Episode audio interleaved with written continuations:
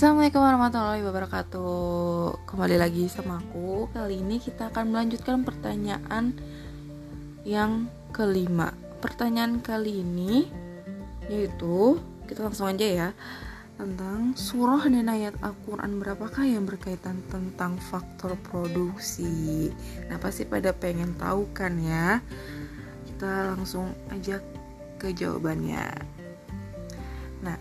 Ayat yang berkaitan dengan faktor produksi tenaga kerja dalam tenaga kerja itu ada di dalam surah Hud ayat 61. E, eh, artinya seperti ini. Dan kepada Samud kami utus saudara mereka Soleh. Soleh berkata, Hai kaumku, sembahlah Allah.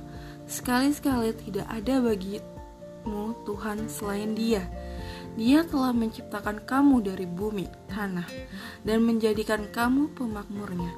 Karena itu, mohonlah ampunnya, kemudian bertobatlah kepadanya. Sesungguhnya, Tuhanku amat dekat rahmatnya, lagi memperkenankan doa hambanya. Nah, ada juga ayat yang berkaitan dengan faktor produksi modal. Nah, ini ada di dalam surah Al-Baqarah ayat 272. Artinya sebagai berikut.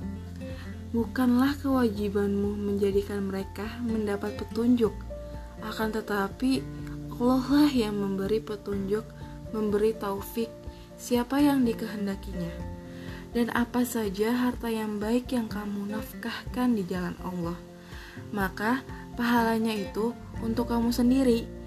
Dan janganlah kamu membelanjakan sesuatu melainkan karena mencari keriduan Allah. Dan apa saja harta yang baik yang kamu nafkahkan, niscaya kamu akan diberi pahalanya dengan cukup, sedang kamu sedikit pun tidak akan dianiaya, dirugikan. Wah, masya Allah banget ya.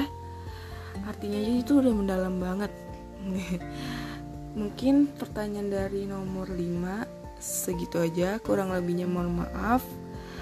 Uh, wassalamualaikum warahmatullahi wabarakatuh.